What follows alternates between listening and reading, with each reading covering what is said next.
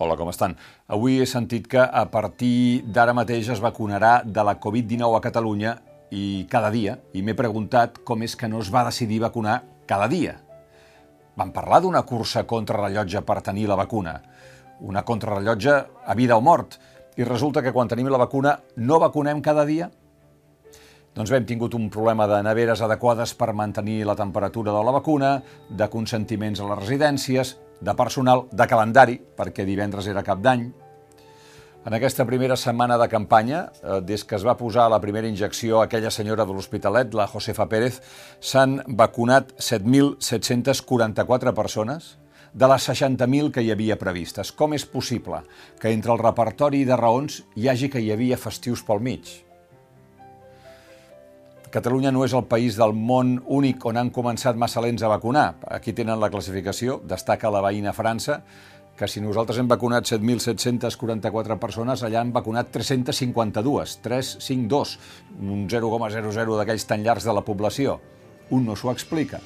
Si alguna cosa se sabia que estava a punt d'arribar, era la vacuna. Esperem el millor a partir d'ara, també a Catalunya, en què el Departament de Salut ha denunciat canvis en l'estratègia perquè si algun, en algun moment la vacuna pot fer la diferència és ara.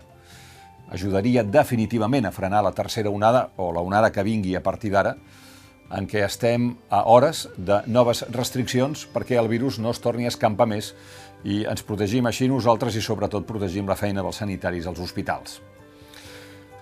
Que el procés de vacunació funcioni depèn del nostre govern, com en depèn la resposta policial de la, a la festa Rave de Llinars del Vallès d'aquests dies, en què ha quedat clar que la imatge internacional del nostre país, passa el mateix a les Illes Balears o al País Valencià, s'associa a la impunitat a l'hora de divertir-se de qualsevol manera, en part per la nostra posició al mapa, per una economia basada en el turisme, per un sentit de la llibertat malentès que castiga especialment l'ús de l'autoritat que els poders públics estan obligats a exercir, i potser en el cas també eh, que ens ocupa perquè Sanitat Interior van tornar a anar a deshora.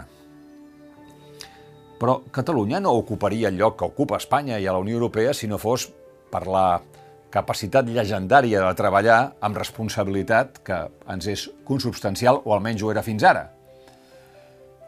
Què ens estaria passant? Bé, podem explicar-ho dient que el nivell de la classe política ha baixat molt, però la classe política surt de la societat i, per tant, és un reflex dels seus valors, de les seves capacitats, L'autoexigència, com, el, com el seu nom indica, depèn de fins on la societat estigui disposada a treballar i a brillar. Per exemple, algú a Catalunya ha fet bé la seva feina aquests dies.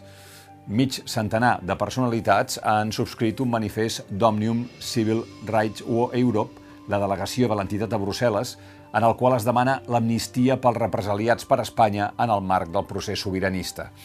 Aquest eh, comunicat el firmen, entre d'altres, Dilma Rousseff, Jerry Adams, Yoko Ono i Ai Weiwei.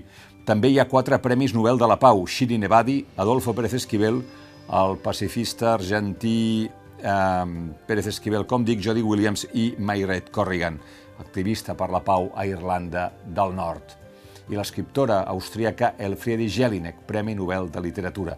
Els 50 signants del manifest lamenten la judicialització del conflicte polític i conclouen que aquesta via, lluny de resoldre'l, la greuja. Diuen, ha comportat una repressió creixent i cap solució. Els signants fan una crida al diàleg sense condicions de les parts que permeti a la ciutadania de Catalunya decidir el seu futur polític. A la gent d'Òmnium autoexigent el nostre reconeixement com el mateix que enviem cada dia els que treballen a primera línia de la Covid-19, un record pels que la pateixen, pels presos polítics, pels exiliats. Que tinguem un bon dia.